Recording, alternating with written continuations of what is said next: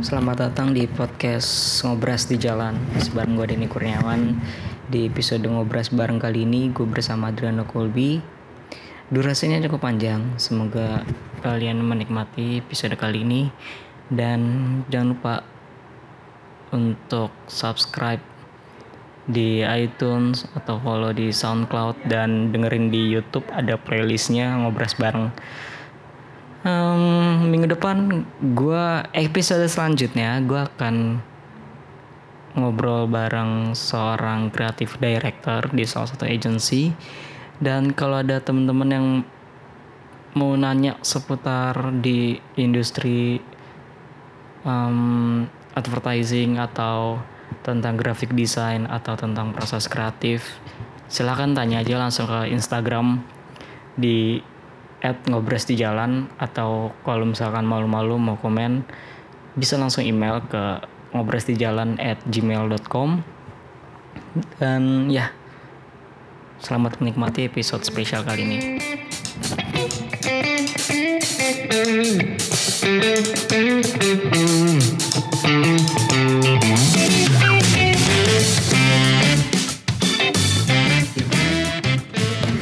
Halo semuanya, gimana kabarnya? Nah, ketemu lagi dengan gue Denny Kurniawan di podcast Ngobras di Jalan dan kali ini segmen Ngobras bareng.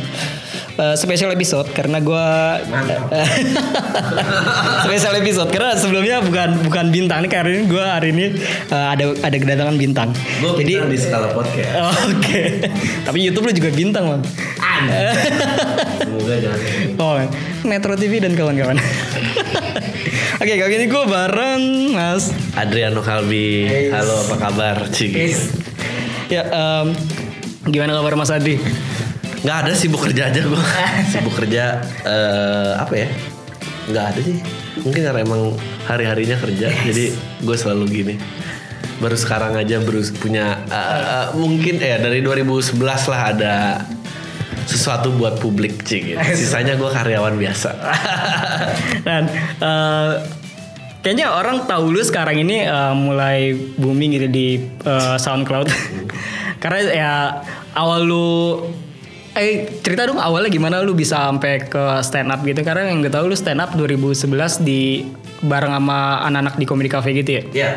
Nah itu sebelum-sebelum lu gimana? Uh, dari sebelum sampai nyampe di situ. Uh, okay Gua itu lulus S1 tahun 2005. Uh, habis itu langsung kerja, kerja uh, pokoknya kerjaan pertama gue 6 bulan gue resign terus nganggur 10 bulan sok-sok menyibukkan diri kursus desain lah apalah nggak nggak dipakai gitu terus uh, kerja lagi uh, ya udah kerja aja terus sampai akhir uh, sampai 2011 gue pertama kali nyoba stand up kayak 2011 apa bukan ya? Ya yeah, 2000 eh enggak 2010 gue ingat 14 Desember. Eh komunitas tuh kapan deh? Juni pokoknya dia hmm. komunitas tuh Juni. Gue pertama kali open mic tuh September 2010. Um, 14 September 2010 tiga bulan gue have no idea uh, komunitas tuh jalan gue nggak nggak melek sosial media gue maksudnya Facebook Facebook kan kalau lu personal use kan lu jarang update ini update yeah. gue nggak punya kebutuhan itu sampai akhirnya gue stand up uh, stand up pun awalnya karena uh, ya quarter life crisis yang datangnya telat lah maksudnya gue pada saat itu udah uh, itu tahun berapa 2010 ya gue 26 26 27 um, 26 27 gue udah ya istilahnya lumayan lah menuai prestasi di hmm. karir terus biasalah mencari oh makna hidup ini apa ya? Apa gue cuma mau begini doang seumur hidup gue uh, karena basic gue kreatif nulis. Uh, so kenapa ya nggak nggak nggak nggak coba gitu? Ya udah kali ini untuk nulis. Bukan buat gaji bukan buat klien udah gue nulis aja. Uh, dan gue udah suka stand up dari tahun 2000 ya 2005an itu 2004 2005 tapi nggak pernah tahu oh. di Jakarta tuh di mana? Tapi tapi di situ uh, dua, tahun 2004 2005 itu benar-benar di Jakarta belum ada sama sekali ya? Nggak ada, nggak. Oh, tapi Topik gue tau Topik Safalas tuh oh, iya, iya. ngelakuin hal itu. Topik Safalas sebetulnya udah ngelakuin di tahun 90-an dulu Komedi uh. Cafe itu kalau nggak salah pertama kali bukan di Kemang, uh. dia itu sempat pindah dari dulu ada namanya Kampung Tenas Manggi tahun 90-an tuh zaman Nah, tuh. zaman abis kerusuhan krisis moneter artis-artis tuh cari usaha sampingan tuh buka-buka lah eh, milkshake milkshake di kampung tenda semanggi Nah, itu eranya milkshake kayak eranya sekarang ayam penyet gitu. Yes, Ay- yes, ayam geprek. Sama sama kue-kue artis gitu. Ya, ya, ya, ayam penyet artis tuh tahun 90-an itu dulu kampung tenda semanggi. Oke. Eh, waktu itu di SCBD belum kejadi belum jadi Pacific Place tuh. Nah di situlah komedi cafe pertama kali. eh, Taufik Safala sering katanya sering naik dan itu eh, ya udah joke telling aja. Akhirnya abis itu areanya ditutup, pindah ke Plaza Festival kalau nggak salah. Habis itu sepi sepi sepi sepi, gue sering le- lewat sih dulu karena gue pernah ngantor di Kuningan juga. Eh, ya udah dia pindah ke Kemang tahun 2008 mungkin 2009 sampai rame akhirnya gara-gara boom komunitas untuk seleksi waktu itu eh, ajang pencarian bakat Kompas TV Suci satu. Oh. Tapi gue datang nggak kenal siapa pun, datang aja, datang salah hari lagi. Even eh, Radit atau Panji juga lu Nggak. gak tau mereka itu. Gua tahu Radit adik kelas gua, tapi ya cuma tos mata tos mata gitu doang. gua nggak tahu dia stand up, pokoknya gua nggak tahu siapa pun lah. Gua Panji gue pernah lihat ya karena dia masih temennya temen Ah. gitu. Ta- tapi ya kayak lu gimana sih kalau tahu apa punya temen yang kenal sama artis Oh, gitu iya. kan lu pasti ah itu mah temennya dia biarin aja gitu kan. ya gue nggak tahu siapa siapa. Ya nah akhirnya sampai sekarang sampai sekarang. Oh. Terus eh, lu ngawalin karir kayak gue ngeliat lu sebagai AE dulu. Ya. Awalnya sebagai AE terus em, ini eh, agak-agak apa ya? nggak nggak sejurus atau gimana dari AE lu terus tiba-tiba Nah. kayak coba nulis terus akhirnya lu ke siaran gitu siaran di hard rock ya dulu Oke. Ah, Dari itu eh beda lagi. oh beda lagi Beda ceritanya lagi. Jadi gue dulu kuliah eh, gelarnya sarjana komunikasi bisnis. Kenapa komunikasi bisnis? Karena gue ngambil dua jurusan waktu itu eh, advertising dan marketing. gue waktu itu merasa ah, kayaknya gue kreatif bisa ngasihin sesuatu bla bla bla. Tapi gue nggak punya skill set oh oh industri periklanan kreatif tuh ngapain sih gitu. Eh, abis itu ya coba ngelamar aja mana yang dapat duluan gitu dan dapetnya waktu itu lowongan jadi AE. Ya eh, daripada nganggur ya gue mendingan kenal industrinya karena eh, ya lo harus build network, lo harus apa. Jadi itu abis, abis tapi enam bulan jadi AE nggak betah.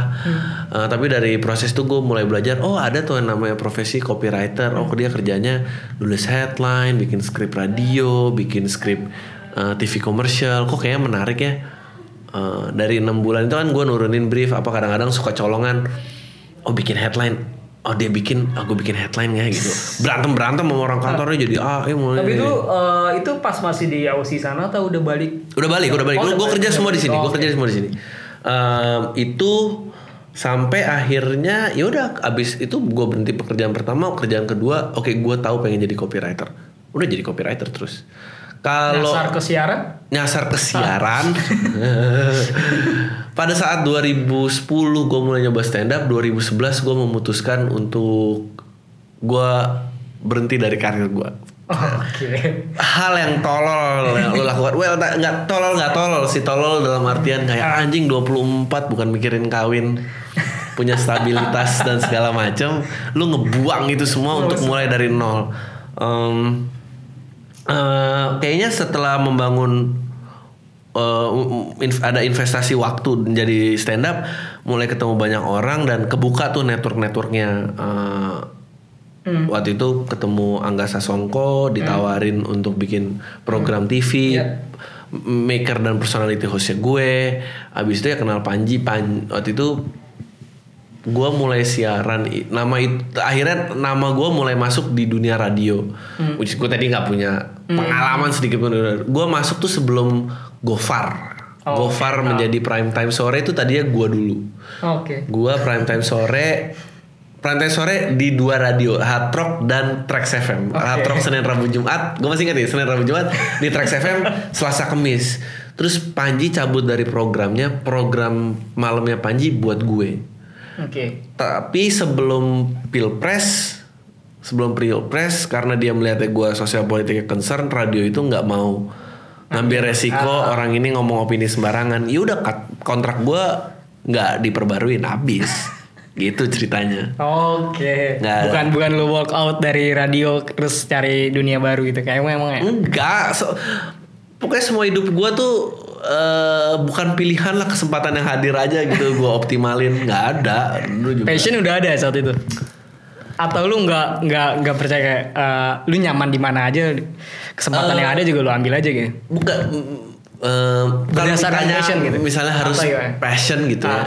Eh, gua rasa da- dari iklan pun em, tentang proses kreatif passion gua Oke. itu sih. Eh, tapi seberapa jauh lu bisa ngembangin skill setnya maksudnya aplikasi skill kreatif lu bisa di mana aja itu yang baru gua temuin setelah keluar dari em, keluar dari advertising. Habis itu jadi siaran dan segala macem gitu. Uh, lu um, 24 uh, keluar dari segalanya dari 28. zona- Oh 28 Terus um, saat ego lu mulai enggak ada itu gimana sih? Karena gue yakin nih seorang Adriano Colby nih dari awal dari lulus kuliah mungkin ngejalanin karir kayak penuh dengan idealisme dan egonya tinggi ya. Dan saat saat itu semua reda itu di umur berapa dan?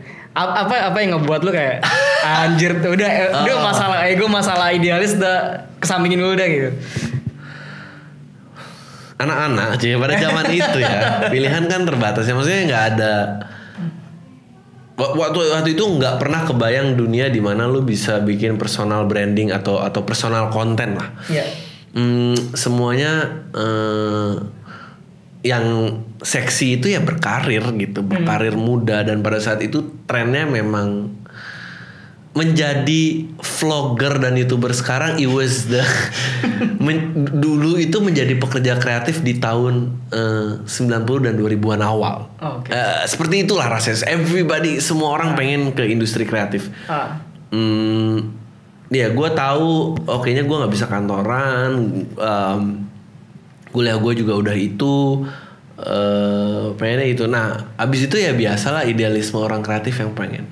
Gue pengen bikin iklan yang mencerahkan kepala atau gue pengen yang bisa sampai mempengaruhi banyak masyarakat anak kecil nyanyiin jingle gua bla bla bla gue pengen menang award di sini dan di Ya, situ ya. nah kalau ditanya runtuhnya ego eh, justru malah pada saat semua itu tercapai jadi jadi kayak eh, baru ja- zaman tahun berapa ya? Eh, dulu ada jingle untuk susu bendera gitu salah satu produknya susu bendera yang mulai kayak gue lihat oh anak-anak di sekolah gue naik motor kedengeran anak sekolah nyanyiin lagu ini gue apa terus pengen menang di advertising gue pengen jadi orang kreatif yang edgy banget dan segala macam. Em, di ranking ya itu ada yang foto nyebar itu yang waktu itu gue menang Cleo itu. Itu actually gue ceritain Itu- sedikit. itu tahun berapa sih itu lu? itu tahun 2009 mungkin ya 2009 2008 itu actually foto itu diambil. Sepoi-sepoi itu Nah, foto banget. itu diambil eh, gue sama partner gue karena kita kerja in, in pair kan. Kita baru menang menjadi wakil untuk Indonesia sebagai pekerja kreatif muda melawan semua pekerja kreatif muda se Asia Pasifik ngewakilin di ngwakilin di Singapura. Tapi di Singapura kita kalah. Yeah. di Indonesia doang menang. So background itu so eh, gue bukannya mau sok kayak oh udah mencapai semuanya. Tapi eh, waktu itu itu yang gue rasain eh, lama-lama oh ternyata yang gue pikir dulu passion gue dan dunia gue dan semua gue ceritain di sini feedback feelingnya nggak sesuai apa yang gue pikir ya pada saat itu Yeah. gitu. Em, dan waktu itu nggak pernah kepikiran lah oh dunia karir industri hiburan anjing kayaknya jauh banget gitu. Iya. jadi iklan aja di tentang orang tua apalagi di industri hiburan. Tapi habis itu eh ya udah berusaha mencari oke apa ya gue berani nggak ya ngeruntuhin semua apa yang udah gue bangun? Karena gue ngerasa gue tuh orangnya gue sering ngomong di podcast gue tuh orangnya eh, mendingan nggak pasti daripada udah pasti tai gitu Oke. ngerti gak lo? Jadi gue. setelah gue menang award, Ah. rasanya tuh kayak tai nih. Gue tahu nih kalau dilanjutin, ini tai ini nggak akan berubah nih. Jadi lu mendingan terusin ini, apa lu kejar yang nggak pasti di luar sana? Karena waktu itu belum kawin juga dan Ah. apa ya, udah kejar aja yang nggak pasti. Ya, dan dari situlah udah di stand up ya keidealisan berkarir ya udah udah runtuh Tapi saat itu eh, lu belum sebagai apa manggung sebagai stand up comedian gitu, open mic dan lain-lain. oh udah udah udah Oh, udah itu? jadi eh, mau menang-menang itu menang-menang award gue udah mulai jajal open mic tuh Oh, Oke. belum ada duitnya Iya ya. belum ada duitnya sama sekali gue lompat tuh kayak orang gila Eh, ya udah eh, lompat aja Hmm. kalau lu tanya ya semoga itu jawab pertanyaan lu sih jadi idealismenya Saat udah saat untuk berkarir hancur gitu setelah prestasi dapat justru itu hancur tapi idealisme berkarya tanpa restriksi justru baru mulai tahun itu kayak gue Oke. pengen stand up kayak gini anjing mulai lagi gue ke dosa yang sama Lu, lu berarti pada saat itu kayak em, lu udah udah mencapai di puncak paling atas gitu. Oh ternyata ini eh, eh, titik paling atas dari hal apa yang gue jalanin akhirnya. eh, secara prestasi ya secara karir enggak maksudnya secara prestasi dan recognition di industri itu pada tahun itu lumayan lah. Gue nggak bilang gue yang terbaik tapi lumayan. Hmm, tapi secara karir gitu gue bukan jabatan tinggi gue bukan bos bukan. Hmm. Iya tapi maksudnya kayak secara prestasi lu udah dapet semuanya Ya, dan saat lumayan. itu uh, akhirnya ah, Taylor cuma segini doang gitu. Maksudnya udah udah udah nyobain ini itu ini itu akhirnya ya udahlah ah, kayak dunia lain belum gua cicipin nih atau ya, gitu jadi. Ya kurang lebih kayak gitu. Kurang lebih kayak gitu. Nah terus lu um, sebagai stand up comedy um, 2011 uh, sama barengan Panji Radit dan kawan-kawan terus lu kan ada acara di Kompas juga ya, yang sebagai di Suci lu ada Enggak. ada ambil alih ya? gue di Maksudnya di- sebagai orang Oh, belakang layar. di belakang layar gue salah satu uh, komedi badinya dari season 2 sampai season 6 Itu ngapain ya kalau komedi Badi? Eh, intinya membantu eh, teman-teman komika untuk bikin materi dan merumuskan oh sampai punchline dan segala macam. Nah, ini menarik nih. Maksudnya eh, lo lu itu lumayan ya 4 season ya? Lima. Oh 5 season, oke. 5 season. Em, itu orang-orang udah tahu lu belum sih? Udah. Udah tahu malahan. Udah. Oh. Oh, eh, eh, orang-orang apa? Yang pub- ini yang publik bukan- apa bukan penggiat? publik, Yang penggiat yang orang-orang yang ikut Oh, audisi gitu udah udah Udah udah, tahu. tahu semua. Eh, kalau di cik gitu. Kalau di kalangan penggiat sih respect didapatkan sangat cepat tinggal deh. Eh, ya it- itu itu juga ada pergolakan ya. Jadi Ah.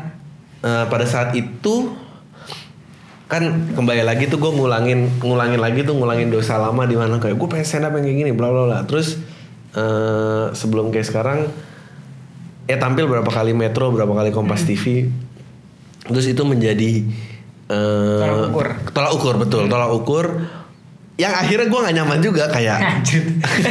Banyak yang nggak nyaman pokoknya gue kayak tai lah Eh, nggak nyaman gara-gara lama-lama kan eh, materi harus disesuaikan dengan request TV Iya. lama-lama ini dan lu, lu kejebak dalam pembicaraan-pembicaraan seperti kayak kalau lagi nongkrong eh lu metro udah berapa kali lu kompas udah berapa kali Oke. terus lama-lama depresi kan kayak fuck apalagi ego tinggi gitu kan. Kayak perasaan lebih nggak lucu daripada gue kenapa dipanggil kenapa gue enggak?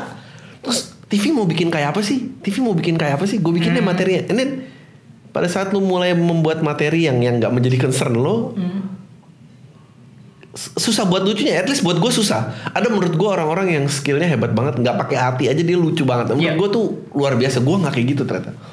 Habis itu gue lah makin depresi gara-gara tapi gue kesadarnya gara-gara anjing nih tolol banget sih eh, kan, kan gue tujuannya keluar dari advertising itu adalah menghilangkan restriksi.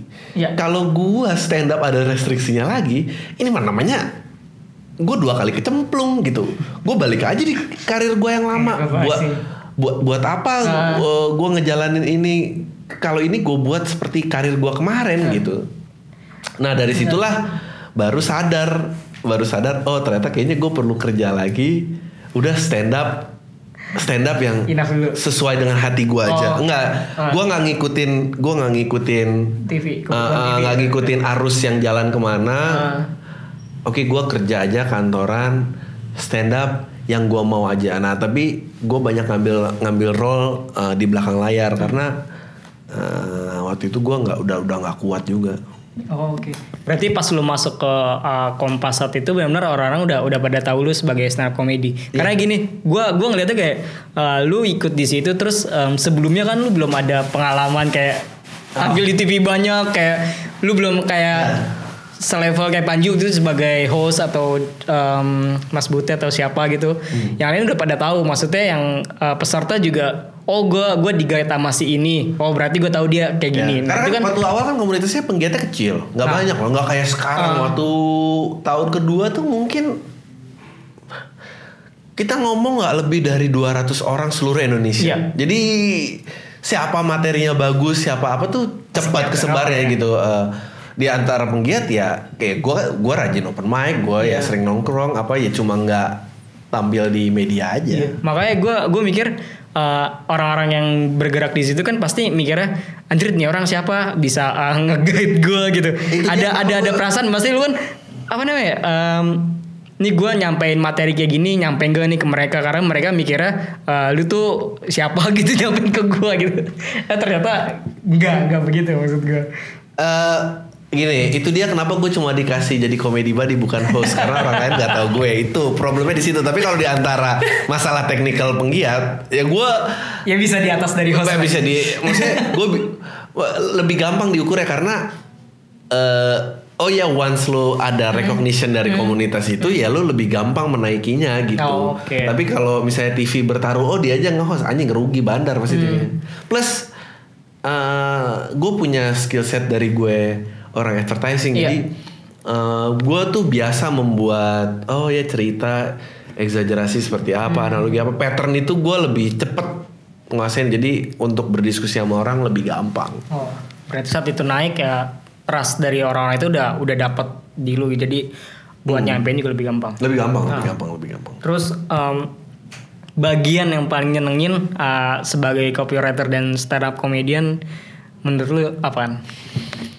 Kalau sebagai copywriter menurut gue yang paling menyenangkan adalah eh, pada saat klien akhirnya beli ide lo. Gak lebih lebih. Eh, eh, beda banget ya. Jadi kalau purpose-nya advertising kan tuh eh, purpose marketingnya. Ya. Jadi pada saat lu bisa lihat itu works di lapangan kayak oh lu oke now eh apa eh, ber- ber- berarti strategi marketing dan ilmu komunikasinya itu tepat. Jadi karena orang-orang yang gua sasar mengalami perubahan action atau mindset gitu. Itu lu riset ke lapangan juga gak sih? Ah, enggak sih. Atau cuma butuh data Enggak, dari enggak, orang enggak. marketing dan Pokoknya tolak ukurnya kalau tiba-tiba keluarga gua mengenali sesuatu yang ini, oke berarti gue berhasil. Oh, oke. Karena ya, maksudnya gue bisa ambil sampel lah. Eh, Dari itu sih, gue seneng, gue seneng worksnya, eh, when it works. Eh, tapi kalau sebagai stand up comedian sih, aduh banyak banget ya maksudnya. eh, membuat orang lain setuju dengan sudut pandang lo yang lo kira lu doang yang punya ternyata orang juga mengamini ya, ya itu si joynya tuh itu menurut gue. Candu ya? candu banget candu itu candu banget kayak m- apa mungkin tampil live-nya eh, terus ngegiring penontonnya tekanan untuk nggak jadi lucunya and then apalagi lu pernah ngerasain lucu banget terus lu abis itu nggak lucu banget terus lu kepikiran seminggu lu harus balik lagi dari situ. Eh, cycle itu sih dan hidup kan jalan terus ya jadi kayak lu nggak pernah kehabisan materi aja. Em, stand up TV kenapa nggak ada lagi? Karena ya gue gua, gua tahu lu di TV waktu itu cuma eh, dari YouTube sih dari Metro atau dari eh lu pernah jadi openingnya Panji waktu itu ya? Pernah. Oh, Oke. Pernah. Nah kenapa nggak ngambil ke industri TV untuk jadi stand up kayak sekarang? Kan sekarang lagi lagi happening banget tuh stand up di TV di mana-mana nggak cuma di Kompas di sih, ya gua, banyak banget. eh, enggak, di TV udah nggak ada Udah lagi karena trennya udah nggak segede dulu.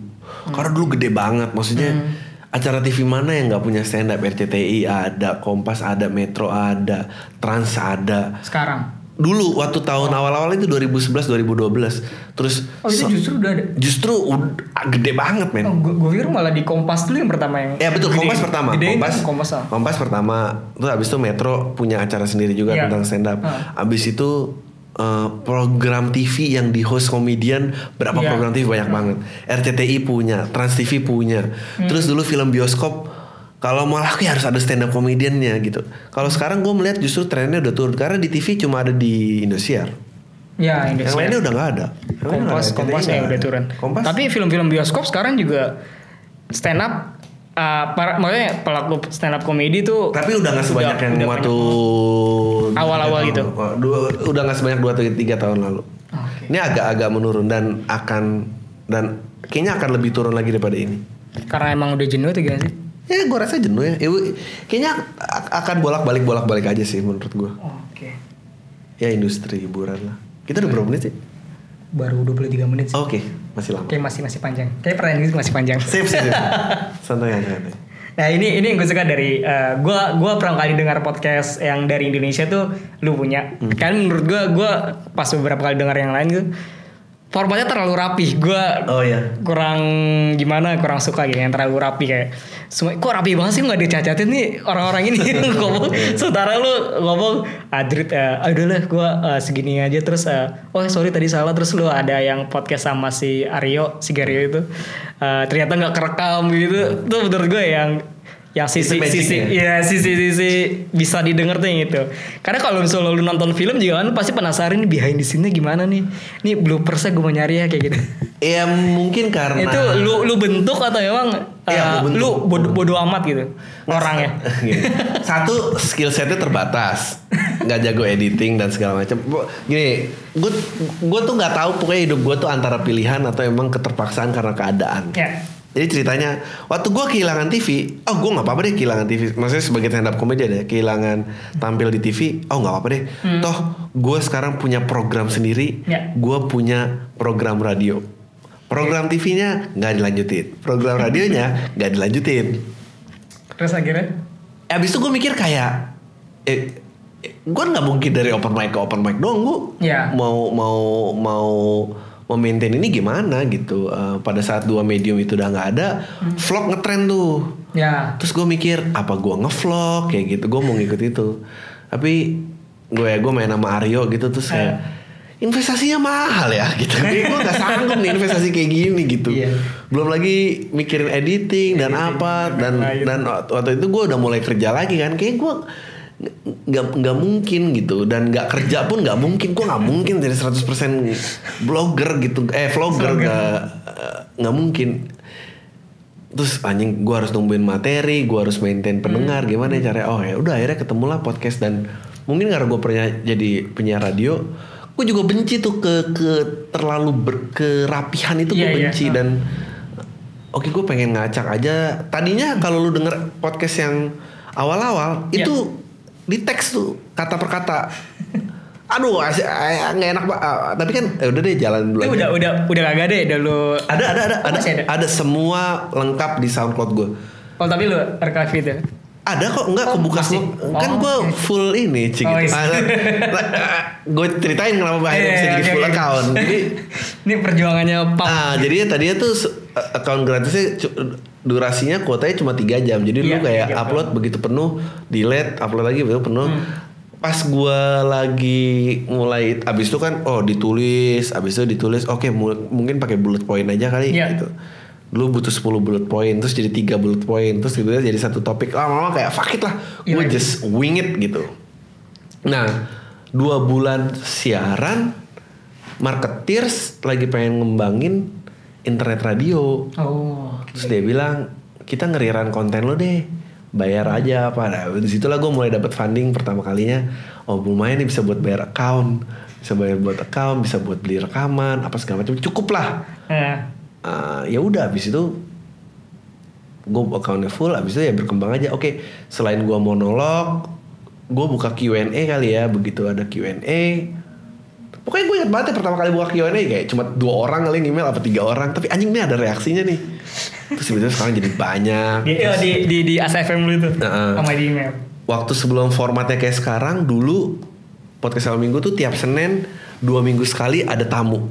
Tapi sekarang gue nggak kuat nguatin format itu. Gue sekarang udah seminggu sekali aja kalau ada tamunya gue kasih tamu kalau nggak gue ngomong sendiri. Em, iya akhirnya email, email rame banget ya? Rame.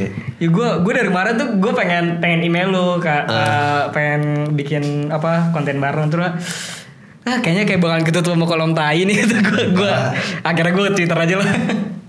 Lihat medianya twitter. Ada kok waktu itu pernah juga di podcast orang lain. Em, ya udah terus habis itu em, tadinya di YouTube.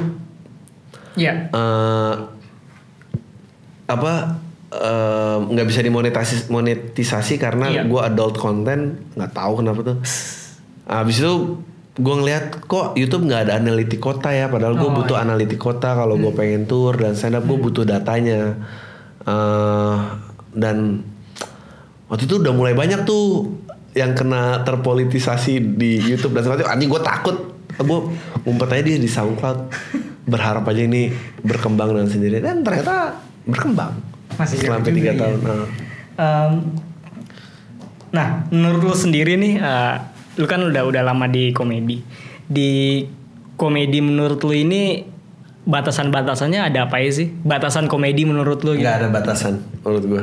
Serius Like- nggak ada batasan? Like anything else in this world nggak ada batasan. Em, kayaknya lagi rame. Gue juga takut nih gara-gara quote gue kesebar. Gak tau lu udah baca apa belum? Gue bilang hanya komedi Hmm. yang beda dari bentuk output seni lain. Hmm. Eh, komedi cuma komedi satu-satunya yang kalau semakin dekat dengan realita orang makin marah. Gue nggak Iya. ngerti kayak kalau lu nonton horor ya lu pengen setannya kayak beneran, lu nggak pengen setannya terbang benangnya kelihatan, lu tersinggung pasti. Kalau nggak kayak beneran lu tersinggung. Lu pengen nonton film sedih, kalau nggak kelihatan kayak anjing gue, kalau bokap gue meninggal gue juga. Kalau lu nggak dekat dengan kenyataan, lu pasti sebel dan lu appreciate semakin dekat dengan kenyataan. Tapi entah kenapa cuma komedi yang arahnya berbalik.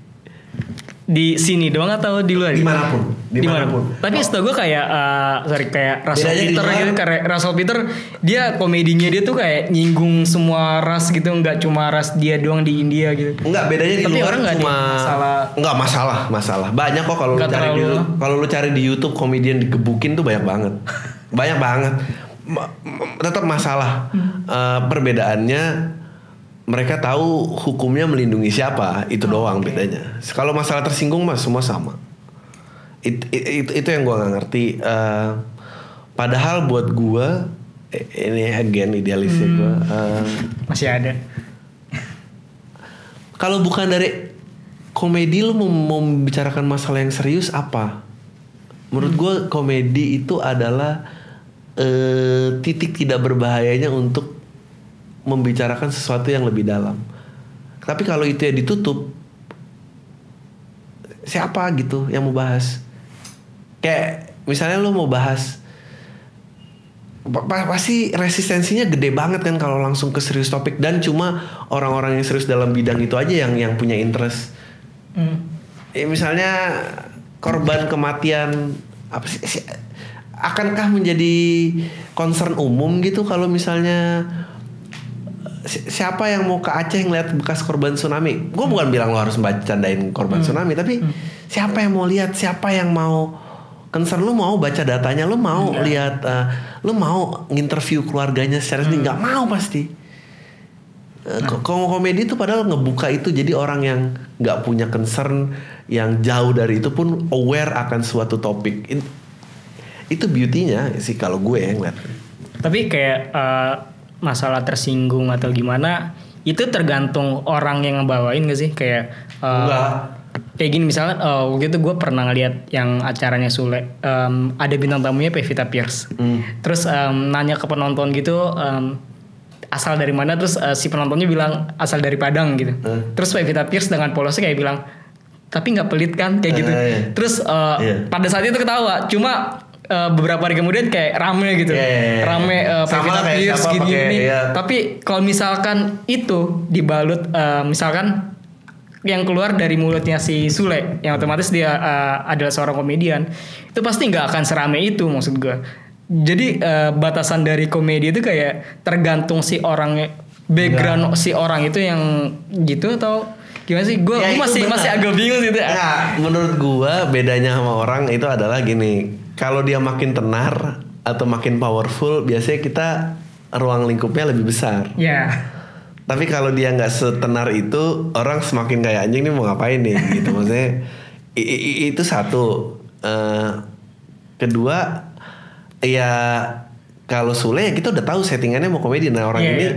di timing yang nggak tepat. nah ya Eh, i- tapi yang paling penting lagi menurut gua eh, tersinggung itu diambil bukan dikasih. Ngerti gak maksud gua? Tergantung lu ngeliatnya. ah Ma- Padahal padahal yang memang nggak nggak arahnya ke situ, cuma orang-orang yang Iya. ngambil ngambil perasaan kayak gitu. Iya, menurut gue offense itu taken bukan given. Em, itu yang mungkin nggak banyak disadari karena ya karena kalau mau ngomong censorship dan ketergantungan gak mungkin dijadiin hukum justifikasinya apa. Eh, ya ini kita jadi ngomong-ngomong serius kayak pencemaran nama baik atau penghinaan presiden, penghinaan yang lain-lain dan sebagainya. Itu nggak nggak ada nggak ada nggak nggak ada hitam putihnya nggak ada nggak ada nggak ada ya itu. Susah nggak bisa itu nggak bisa dijadiin ini gitu sih. Sama kayak halnya kayak kebebasan berpendapat kayak gitu. Em, di sini bilangnya em, ya ya wajar lah kayak gitu kebebasan berpendapat dan lain-lain. Tapi ternyata memang masih banyak hal yang kayak em, dibawa serius dan lain-lain kayak gitu. menurut gua either lu perlu sensor atau lu pokoknya pilihannya either ada yang disensor atau tidak ada yang disensor sama sekali Hmm. yang bisa lu atur sebetulnya eh, pengkelompokan usia market sih itu yang nggak dijalanin dari sisi eh, edukasi dan pemerintahan gitu kalau di luar eh, nggak usah di luar lu lihat mainan aja gitu main ya dari luar negeri gitu kan kelihatan 0 sampai 3 siapa 3 Iya. sampai 5 Iya. apa eh, tiga sampai- tapi lu nggak bisa bilang bahwa enggak mainan ini nggak boleh diproduksi karena berbahaya iya tanggung dulu berbahaya buat siapa gitu Iya. oh, mainan ini berbahaya untuk orang-orang di bawah 7 tahun gitu mainan maksudnya nggak bisa gitu nggak bisa dihentikan eh, semua bentuk output tuh nggak bisa dihentikan bisanya pengaturan ke target market itu doang sih Ya, berarti kalau misalnya dibilang kayak gitu, yang namanya kebebasan kayak gitu, ya benar-benar nggak bebas dong. Atau memang ya nggak kebebasan kebebasannya ada tapi audiensnya yang harus distruktur Oh, Oke. tapi melimitasi bahwa eh lo nggak boleh bercanda kayak gitu karena dia nggak bisa Hmm. nggak bisa tapi restriksi audiensnya yang bisa diatur Ya tapi kalau misalnya pembat eh, Tapi itu sama- pengelompokan gitu, tapi kan di sini kayak katanya era keterbukaan informasi atau apa pun ya semua Nah, orang masih sama. masih masih bisa keakses atau gimana sih? Kan Enggak, anak-anak enggak, juga enggak yang enggak sama aja gini nih, nih. misalnya gini. Kita nggak usah ngomongin bokep deh. oke. kita nggak usah ngomongin bokep. Iya, iya. Tapi apakah lu akan menjelaskan eh, di mana bayinya itu datang Hmm. ke anak 3 tahun sama ke anak 15 tahun dengan cara yang sama? Ya. Jawabannya sama apa enggak? Lu akan menjelaskan kalau misalnya anak lu nanya Beda. jawaban- beda kan? Beda. Ya exactly my point. Oke. Uh, exactly my point. Target market bolehnya terekspos sama konten yang seperti apa? Itu yang harus diatur. Tapi apakah eh tap- ap- tapi apakah enggak nggak boleh lo ngasih tahu bayi datangnya dari mana? Ya nggak mungkin dong. Iya. Nggak mungkin. Nggak mungkin. Hmm. Eh, bisanya dibilang oh konten ini tidak cocok untuk anak-anak yang belum dewasa. Konten ini bisanya itu. Hmm. Eh, diatur lagi berarti sama sama pengawasan pengawasan dari orang-orang sekitar dong kayak gitu ya. Iya, apa ada pemerintahnya, ada pihak Hmm. berwajibnya, ada badan sensornya. Eh, ba- badan sensor, badan apa itu namanya? Ada kuratornya, sorry. Ah, kurator. Em, saat ini lu udah udah kayak ngalamin dari beberapa film eh, terka- eh, terlibat dalam beberapa film kayak bukan delapan Hmm. ya walaupun beberapa beberapa sini apa satu sini Nggak ada satu scene. oh enggak ada Tiga detik. Empat detik. Ya, bukan delapan terus em, ini yang mau keluar ya love Love for sale. Love for Sale. Hmm. Nah ini juga gue juga kemarin mikir em, kayak gue harus cepet-cepet eh, ketemu lu deh soalnya nanti kalau misalkan ini film keluar gue ngeliat posternya wah dia ada di barisan sama Gading Martin dan lain-lain. Udah mu- udah mulai di titik Iya. ketenaran tertentu kayaknya udah mulai sulit ditemuin nih. Dan em, nah gimana gimana cara lu handle handle fame itu sendiri? Karena ya yang kita tahu em, kayak Mas Is dari paling tadi juga menurut gua itu kayak Tersisa sama Fate. iya dia bilang kenapa jadi kayak gini pas di wawancara sama majalah Rolling Stone? Dia bilang kan eh, kenapa cuma dateng main musik pulang. Sebenarnya masih ada hal yang bisa dilakuin kayak gitu. Dia dia nggak mau kayak gitu. Tapi kan ya fame udah udah nuntut dia jadi kayak gitu. Nah lu lu gimana cara handle kayak gitu? Eh kalau permasalahan nggak gini, gue tidak punya karir di dunia hiburan. Eh, semuanya itu bersifat eh, hubungan kedekatan gue dengan sebuah rumah produksi. Eh, gue nggak pernah main di rumah produksi lain. Eh, ada konten YouTube tuh konten YouTube Gamila. Tapi kan itu again juga itu itu itu personal. Eh, masih lanjut ke situ kayak tinggal satu episode lagi kali ya, Oh, mungkin. oke. ya terus gue itu, itu itu satu gitu gue tidak menjadikan eh, hidup gue untuk publik itu pertama Em, yang gue jadikan hidup gue untuk publik eh, hanya bagian stand up gue gue gue sangat eh, melimitasi kok apa yang bisa di diakses oleh oleh luar meskipun sekarang juga udah jebol gitu maksudnya mulai tahu oh, Iya. oh, bini gue dulu ngapain terus atau Ya, itu itu itu enggak. Bini gue ngapain em, eh, tapi sejauh ini gue sih masih merasa ya kolam tai lah itu eh, Iya. eh, the- best fans karena mungkin gue juga nge-setupnya bener dan lajunya nggak secepat itu Hmm. eh kalau dulu Rian sama Raditya Dika zaman malam minggu Miko gitu karena Iya. mungkin targetnya juga lebih muda dan ABG itu ledakan agresifnya besar. Gila. Tapi kalau gue kan ya insya Allah semua kuliah, insya Allah semua pekerja gitu. Jadi dia punya kehidupan yang lebih penting daripada ngurusin gue. Eh, dan setupnya ya kita kata-kataan dan apa jadi pemujaan itu nggak nggak nggak gitu ada sih. Gue gue gue itu belum menjadi concern gue sih. Be- Belum ada yang mengganggu. Oh belum, so far belum ada yang mengganggu kayak. Belum. Oh, Oke. Em, gimana sih rasanya lu hidup dalam eh, ketenaran kayak gitu? Eh, gimana gimana gimana cerita? Karena waktu itu kan lu bilang eh, di podcast lu dulu tuh kayak gue tuh apaan gitu, tweet berbayar aja nggak pernah gitu ya. Masih Terus hitungannya nggak pernah loh. Ya, ya terakhir-terakhir ini kan gue, oh eh, lu Ada misalnya Instagram. ada ada tweet, ada tweet berbayar terus tiba-tiba yang komen tuh bukan masalah bukan masalah konten yang lu publish gitu bahas itunya. Iya, iya. Cie ada tweet berbayar. Ya sih kayak karena koneksi. gue nyaman karena gue bangun koneksi seperti itu. Oke. Em, Berarti mereka-mereka yang kayak aware nggak gitu. nggak sanggup uh, maintain fame-nya itu karena dari awal mereka nggak bu- bukan bukan apa ya targetnya salah atau gimana? Kalau yang nggak bisa handle. Kalau lu kan nih saat ini lu bisa handle. Oh, Oke. Kalau lu kan saat ini uh, ya karena gua dari awal udah bangunnya udah benar gitu.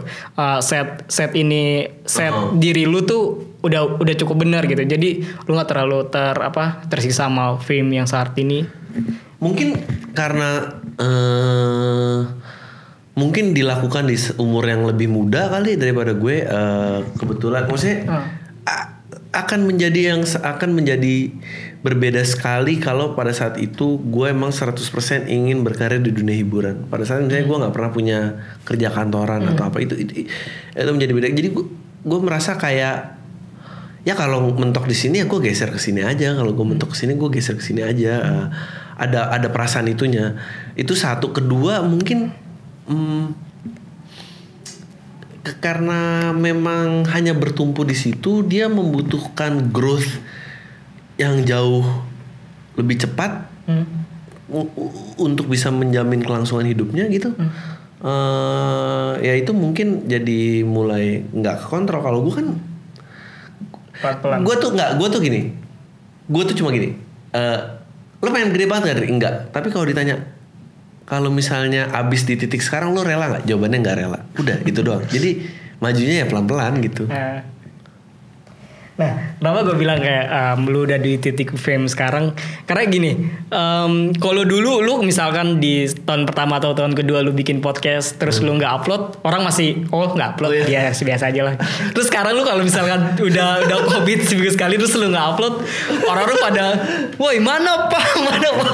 Itu wah kata gue nih orang udah mulai candu nih sama si Adriano Colby gitu. Nah makanya gitu gila nih sekarang udah udah mulai di titik yang udah beda dari dari tahun lalu gitu yang misalkan Tapi- lu nggak upload juga ya orang bodoh amat gitu tapi tapi skalanya siapa maksudnya gue gue mungkin seperti itu di di di di eh, stand up atau di perpodcastan tapi gue yakin kayak anginnya Raditya Dika gue nggak pernah ngerasain you know like Iya, iya. dan itu masih yang level itu lu lu belum ke level kayak Raffi Ahmad Iya. eh, atau kayak eh, siapa tuh pesulap yang keker banget sekarang? Oh uh, Dedi Dedi Corbuzier. Deddy Corbuzier Itu eh, banting setir kerja iya, waktu itu atau mungkin eh, Olga gitu almarhum. Gue nggak pernah ngerasain anginnya itu Eh, jadi angin yang gue cicipin tuh masih kayak ini kayak kayak apa ya kayak ya biasa aja gitu. Eh, meskipun kan lingkaran temennya mulai ganti nih. Udah Ta- mulai. takut sih gue, karena dunianya aneh banget menurut gue. Ya karena kan ya pas um, lu bilang lingkaran teman terus tiba-tiba lu di podcast awal minggu datengin kayak Chico Jericho terus si Hmm. siapa Rio Dewanto ya. Nah, itu kan udah mulai wah anjir Yeah. nih udah mulai di titik Tapi sekali lagi ya, sekali lagi, gue bisa dapat akses itu lebih besar karena pertemanannya daripada karir gue di dunia hiburan. Ngerti gak lo? Gue gak, gak, gak mungkin Yeah, yeah. gue kayak misalnya, j- j- jangankan itu, gue yang stand up bertahun-tahunnya dapetin Raditya Dika aja nggak bisa. Maksudnya emang jauh gitu. Oh, tapi karena karena ini ya mereka sering warawiri dan segala macam akhirnya nggak lebih bisa. Ah, tapi kalau misalnya siapa gitu duduk Raffi Ahmad duduk kamu ke mana mau dia. Eh, siapa nih orang? Gitu pasti. Kalau Raffi Ahmad ada di PAM gimana? Lu mau gue? Mau gue? Gue nggak menolak tamu siapa pun. Gue cuma pengen ada di asal dia sanggup bercerita apa yang biasa eh, ap- apa yang nggak dia tampilin bukan buat orang Oh. lain. Ini sih itu doang. Em, tapi gue menghindari orang-orang yang merasa lebih tahu atau lebih baik atau gue menghindari orang-orang yang pretentious. Karena gue juga nggak ada yang pengen gue buktiin. Maksudnya gue pengen ngasih konten bagus yang orang bisa denger pembicaraannya gue nggak ada pengen ngebuktiin kayak ah lu tuh superficial tuh nggak? Lu cetek banget nggak ada gue kayak gitu. Anjing mah gue emaknya apa lu nggak tahu lagi orang cari makan gimana ngapain gue tunjukin itu ke audiens gue gue nggak sama sekali nggak ada intensi yang kayak gitu gue cuma pengen cerita bagus aja Tapi kalau fame kayak gitu emang benar-benar didapat karena nggak jadi diri sendiri atau ya. ya kalau lu bisa sebut lima nama yang terkenal jadi dirinya sendiri ya mungkin lu Mungkin bener. mungkin, Tapi mungkin nggak ada ada Colby masuk ya? Ya tapi lu lihat aja Adriano Colby Eh. ngalahin Raffi Ahmad nggak? Enggak kan? Ya udah berarti ya udah. Gue selalu gue selalu jawab itu kayak Kalau- siapa dibagusin ini ini dibikin Ah, iya, skrip iya. apa dikasih jingle nggak? Sekarang kalau gue lakuin itu semua pendengarnya Nambah nggak? 150 juta warga Indonesia nggak enggak dan diem aja udah. ya, yang dibutuhin bukan itu eh paling iya beda 2000 ah kecil 2000 mah bisa gue achieve dengan cara lain gitu eh 2000 gede deh sorry karena Iya. sekarang 8000 kalau misalnya kayak cuma berapa ursus sekarang? Eh, oh pendengar, Pendengar. per mingguannya mungkin minimal di 8000 No kan? Itu udah udah udah cukup gede untuk podcast di Indo sendiri. Iya, i- sekali lagi itu lu kayak ya apa Dia tersebar ya. juara bertahan lomba 17 Agustusan nggak ada harganya. Oh iya, Gua- lu dapat dapat gelar itu ya apa? Bapak podcast Eh, iya. Indonesia. Eh, lu, lu tahu kenapa gak ada gelar ya? Karena ada gue berusaha jual podcast awal minggu, gue berusaha bikin orang pasang iklan, gak mau, gak mau men. Orang masih lebih ngerasa followers followers di di Twitter sepuluh ribu itu masih Oh. jauh lebih efektif. Hmm. Tapi podcast lu di efektif di di oh iya, podcast lu itu di di kalau di Pernah ada yang masa iklan satu itu juga karena dia kasihan sama gue. Dan abis itu dia nggak renew lagi karena dia tahu gak ada impactnya ke dia. iya. Tapi di podcast lu sendiri ada gak sih kayak em, daerah terluar dari Jakarta gitu? Oh, ada, ada. Kayak misal dari Maluku atau Papua gitu. Oh ada dengerin? ada banget. Eh, Ada juga banyak tapi eh, Ah, gue nggak tahu. Lu, lu gue tuh kuliah marketing ya. Dan lu pikir lu ngerti target market? hmm. Pas gue ngajarin podcast itu tuh contoh nyata bahwa wah ini nyentuh orang-orang yang di luar eh, ekspektasi gue banget gitu. Hmm. Sekarang ada si bapak yang udah melepaskan keluarga Iya. negaraan menjadi dokter hewan di di Oh itu dia udah- Australia. udah lepas dia. Udah. Dia, dia itu baru keluar itu dia akhirnya ngeluarin podcast dia udah email-email sama gue sebulan. Oh iya dia dia, dia di gue tadi dengerin dia bilang kayak gitu. Kontak lu. gitu. gue gue happy banget gitu eh, nge-reach orang kayak gitu gue nge-reach orang em, di luar negeri yang menjadi eh, Mhm. TKI gitu eh, kalau kayak mahasiswa mahasiswa di luar negeri gitu, gue nggak heran lah gue gue cuma buat sosokannya eh ada sampai Jerman tapi gue yakin Itu beneran beneran orang atau pakai VPN? anjing mungkin juga kali gue gak tahu Em, tapi gue yakin yang kayak gitu-gitu substance-nya jauh Hmm. lebih menarik dan em, ya kayak gitu sih dan ya gue pengen ini bertahan ya dan sekarang kayak udah nggak ada sponsor aja gue masih ngeluarin duit sendiri buat biar itu Yang pro-nya. biar pronya tetap jalan terus anjing boncos itu Tapi yang di kayak daerah terluar terluar kayak dari Maluku, Papua atau Nusa Tenggara itu benar-benar uh, tiap tiap lu episode Bisa. ada terus gitu.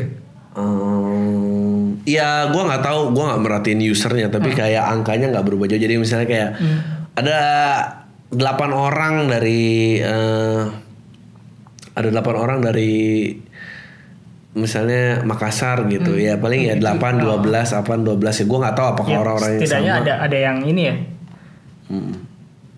Top play tracks loser oke ini top city oke kita baca Oke, ya Top City.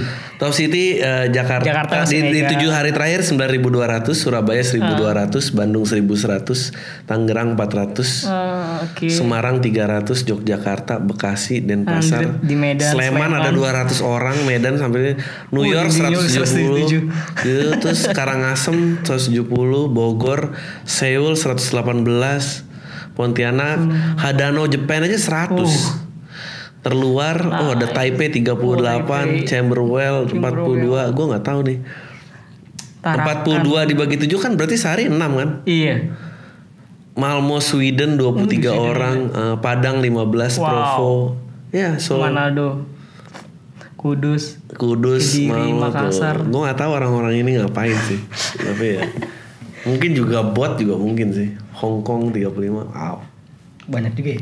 Dan itu em, gelar Bapak podcast. Nggak ada itu kan, karangannya. itu karangan orang-orang. orang-orang itu akibat karena memang semuanya terpusat di Jakarta jadi nggak nggak misalkan nggak cuma di jatuhnya lu doang ya banyak orang kayak nganggep "Ah, ini kita ngelakuin ini yang pertama di Indonesia ya ini pertama di Indonesia padahal ya gue nggak tahu beneran lu riset atau enggak sih ke luar keluar kota di Papua atau di Maluku gitu Iya. sebenarnya ada yang ngelakuin itu atau memang karena Gua- Jakarta ini super power banget gitu jadi lu ngomong A eh, segala macam yang hal pertama di Indonesia atau Oh, tahu, nggak gue gue kayak tergelitik sih lumayan kesel kalau misalnya orang-orang ngomong kita ngelakuin hal ini pertama di Indonesia sebenarnya yang nggak tahu juga sepertinya orang-orang yang di Papua ngelakuin hal serupa tapi nggak tahu labelnya aja gitu Jadi gini, ka- ka- karena karena gue berasal dari marketing dan Hmm. advertising, pada saat gue stand up, gue tuh seneng banget memperolok marketing-marketing gimmick. Dan kenapa orang itu terlalu ter, kenapa orang itu kemakan untuk yang seperti itu? Padahal kan pertama bukan berarti yang paling bagus dan gue Iya. gak ngerti nilai jualnya di mana aja gitu. Ah, jadi gue eh sebut gue sih nggak pernah klaim gue podcast pertama. Tapi gue selalu mengolok-olok orang yang masih memakai pertama itu sebagai strategi marketingnya gitu. Gue suka tuh tagline kayak kambing Kairo tuh. Gue nggak tahu efektif nggak sebagai marketing tapi kayak kambing Kairo. Kayak kambing nomor dua terenak lah kayak. Gue gue suka deh gitu kayak dia dia sama diri sendiri aja nggak yakin gitu tapi gue lebih percaya sama orang yang nggak yakin daripada yang kepedean gitu. Gue yang pertama ya kayak yang lu bilang tadi lu research gak sih? Lu pernah ini gak sih? Emang lu udah pernah lihat Iya. semua orang apa Eh, gitu? jangan-jangan di luar sana ada yang ngelakuin hal yang kayak lu tapi nggak ada orang di luar sana yang rendah hati nggak mau ngeklaim-klaim doang apa. gitu. Dan juga nggak tahu labelnya nih sebenarnya mau dinamain apaan iya maksudnya ma- secara komedi it works. Kayak Ya. gue melihat pokoknya ironis ya. Ada benefitnya nggak sih itu? Nggak gini. Apa? Ada benefitnya nggak buat lu Kerja- punya background marketing? Bapak podcast Indonesia. Nggak ada lagi lah lo. Eh, apa be- yang lucu adalah yang ironis adalah kalau marketing itu works buat gue secara komedik semakin gak works. Oke. Nah, jadi secara secara pemasaran works di komedi mah katro itu. Maksudnya gue bisa bikin bahan joke. Ah, kayak tadi pertama dalam ini gue bisa bikin bikin joke banget gitu. A- a- a- atau eh, secara marketing keren tuh keren tuh works secara komedik anjing keren tuh palsu nyet gitu maksudnya Iya. works banget gitu dan gue nggak berusaha gue nggak pengen mengkhianati komedi aja gitu Hmm. demi komedi lah diancurin diancurin tidak di set up tapi itu itu, Iya. itu demi komedi Oke, terus um, PAM itu sendiri udah tahun ketiga sekarang berarti ya? tahun ketiga tahun ketiga I think Agustus 14 Wow. Terus um, gimana cara lu jaga konsistensi itu? Em, tidak ada pilihan dan gue nggak tahu presentasi presentasi persisnya antara gue pengen ngelakuin sama nggak ada pilihan Hmm. nggak ada pilihan eh, nggak ada pilihan dalam artian tadi gitu gue bener-bener tidak ada medium lain loh Iya. Untuk apa nih? un- untuk mengiklankan diri untuk ada Oke. untuk ada social media presence Hmm. Eh, atau ada media presence lah. Hmm. Maksudnya program TV nggak ada, acara a- acara radio udah nggak ada.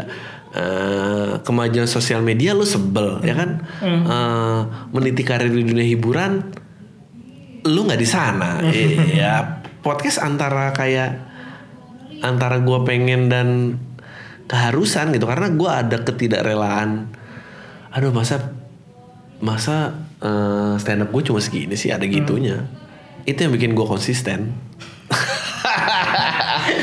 gue belum pernah lihat orang menang konsisten jadi eh, orang yang lagi mau menang itu yang biasa lebih konsisten. Em, tapi yang sampai lu titik sekarang ini udah udah udah jalanin em, pakai hati gitu. Kayak di lu bikin podcast kan dari awal buat ini ya, buat apa namanya? Em, ngelatih, Ngelatih joke gua, ya. Jokes lu itu. Em, yang saat ini lu benar-benar jalanin tulus gitu, rela gitu memang di stand up atau Iya. Um, ya gue suka komedi aja. Gue komedi geek aja. Eh, itu ngebantu gue jadi better comedian. Itu membuat gue menjadi better writer. Eh, sisi ikhlasnya di situ sebagai SoundCloud. Eh, sebagai podcaster tapi sisi nggak ikhlasnya adalah anjing gue harus komitmen sama jadwal yang udah gue setup itu yang nggak ikhlas capek lagi lu pikir nggak capek capek men seminggu sekali lumayan sih. capek men maksudnya um, dan ya kayak gitu gue kan nggak suka sosial media ya gitu. Jadi antara kayak gue nggak rela stand up gue segini tapi eh, pokoknya kalau gue nggak berstand up gue nggak ada kebutuhan sama sosial media. Gue nggak ngerti tuh sama orang-orang yang foto-foto ala selebgram tapi bukan selebgram ngerti gak lo? Kayak ngapain sih lu? Yeah. maksudnya lu gak ada kebutuhan itu gitu. Lu lu berusaha jadi apa gitu. Gue ngalamin ya, maksudnya era waktu itu Facebook lagi tinggi-tinggi gue gak, gak ada keinginan untuk update foto gue gue Ada, ada gak sih kalau yang pas udah gitu ada seleb Facebook gak sih? mungkin bukan selfie waktu itu eh, nulis blog dan apa ditaruh di Facebook Tapi menghasilkan maksud gue kayak menghasilkan ada dong review-reviewer menghasilkan dari itu kan Facebook blogger eh, blogger ke Facebook gitu kebanyakan. Iya di postnya rantainya ke ini meskipun punya blog site di tempat lain tapi dulu kan opini matters atau kepopuleran kayak eh, eh, trip pernah ke mana aja itu kan udah udah udah mulai jalan. Iya, udah banyak banget. dan ya lu bisa lihat lah di sosmed gue kayak gue nggak pernah ganti display picture. Aku malas gue. Malas banget. Dan gue nggak tahu kalau bisa lebih tenang daripada ini misalnya terus ada orang yang jadi traffic gue ngehandle ini nggak tahu. Bisa nggak gue mensustain ketidakpedulian ini apa udah jadi fake juga? iya makanya itu kadang harus gue sustain Tapi kan banyak orang di sana yang eh, apa namanya? Em, kayak kayak apa ya? Bukan diperbudak ya kayak memang mengikuti mengikuti pasar gitu. Dan dan lu ini bukan orang yang kayak gitu misalkan em, contoh kayak bermusik. Misalkan em, ini pasar kayak lagi butuh yang lagi seneng yang lagunya kayak em, apa namanya? Kayak lagu paling teduh yang akad yang kayak gitu-gitu tuh yang asmar apa yang drama-drama menuju pernikahan kayak gitu-gitu. Terus em, tiba-tiba banyak band-band yang bikin misalkan lagu-lagu kayak gitu.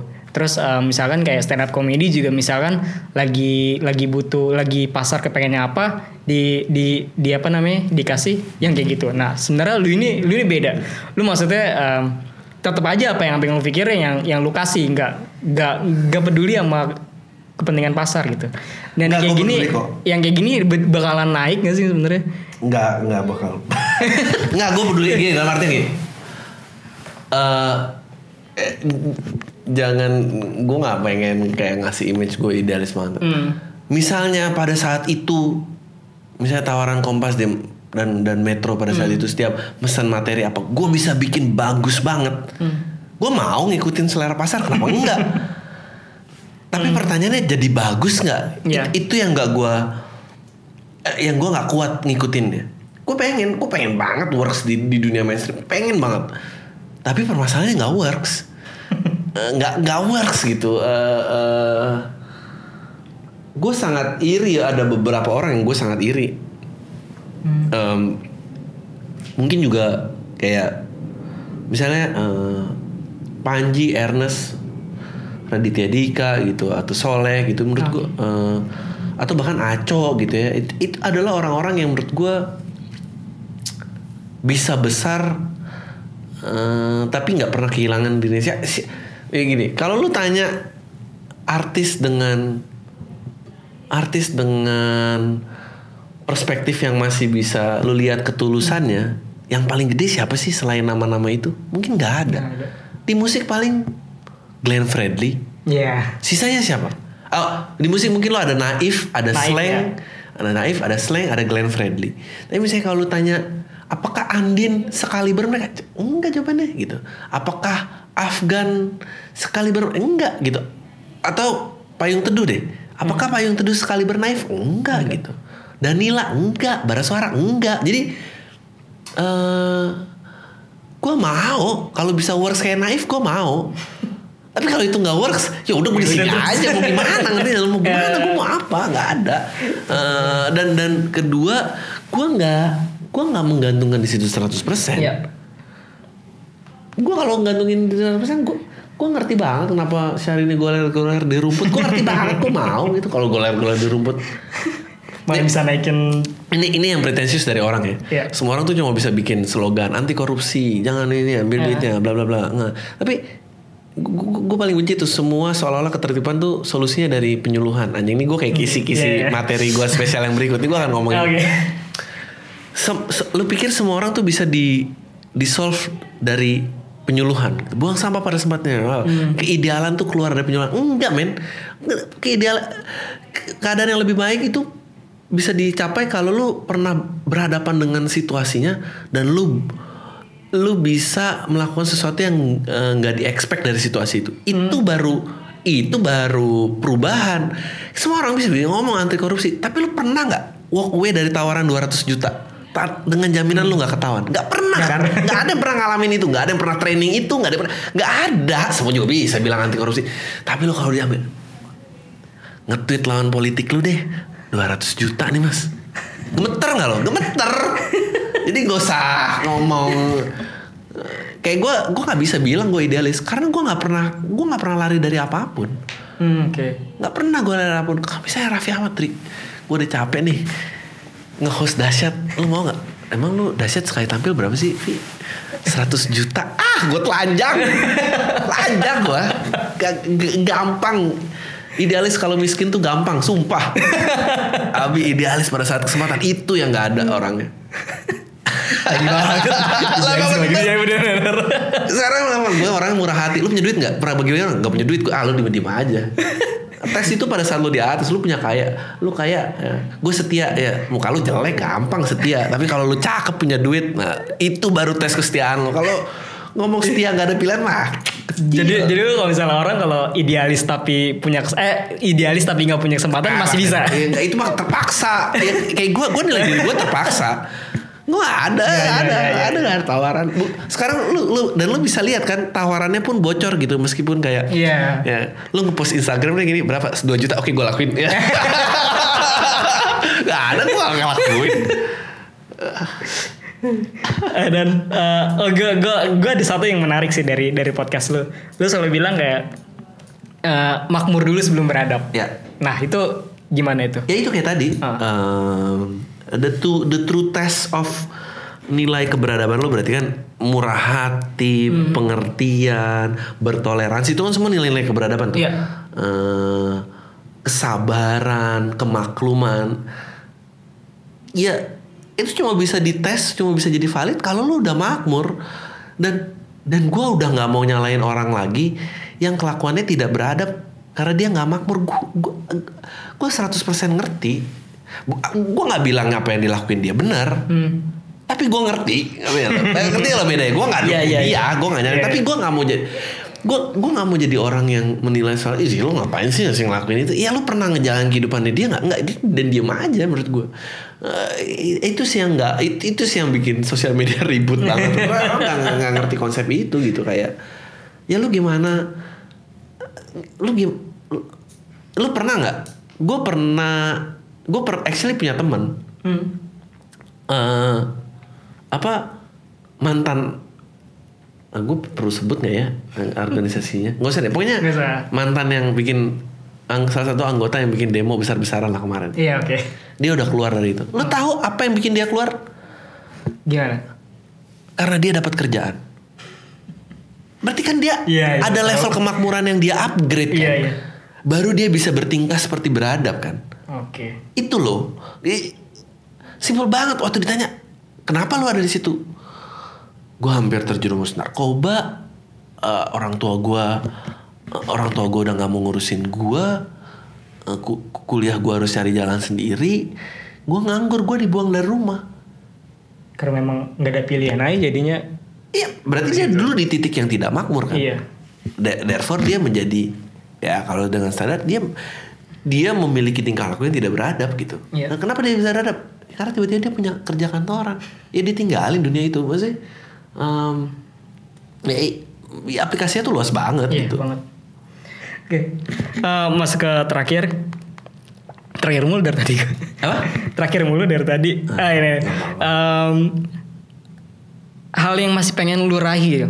Kayak lu selama ini ini tuh gua gue pengen pengen dapetin hal kayak gini tapi em, masih masih belum kesampaian gitu. Hal yang pengen lu raih tuh yang lu pelajarin gitu. Ada gak sih dari seorang apa pun mem- pelajaran atau eh, hal yang pengen lu raih dari seorang Adriano Colby? Ah, ya, yang masih penasaran lah selama ini lu Oh, oke. belum Masih belum belum ya? belum kedobrak-dobrak nih pintunya kayak gitu. gue penasaran eh, mungkin pengen bisa menjadi nulis film atau nulis serial. gue pengen pengen bisa menulis situasional komedi itu gue pengen.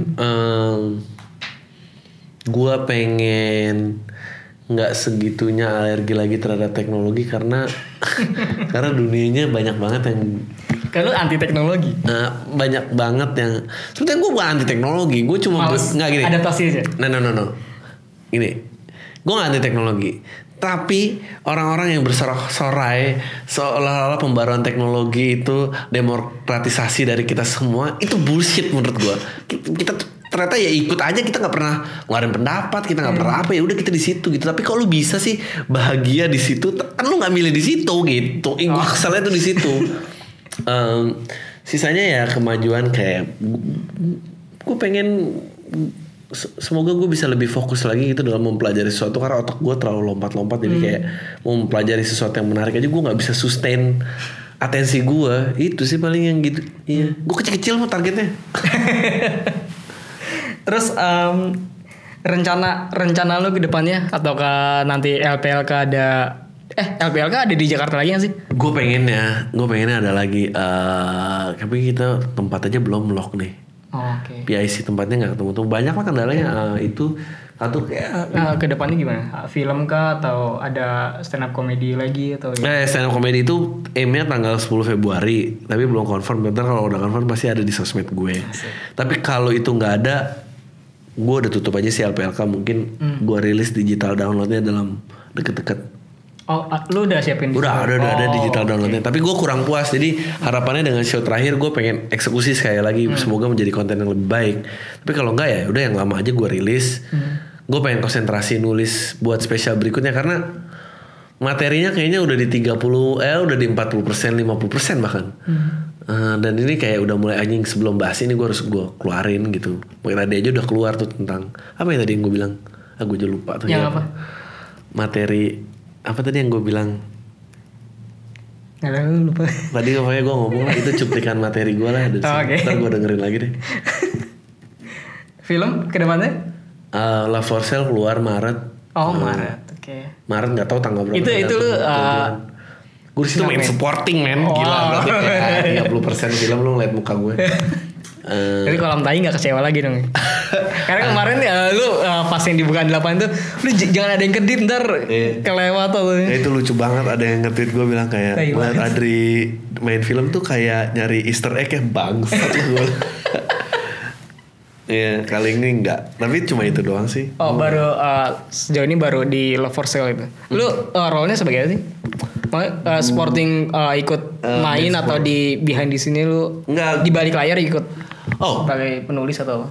Hmm, eh kalau kalau di balik layarnya gue nggak ada, gue justru on screen.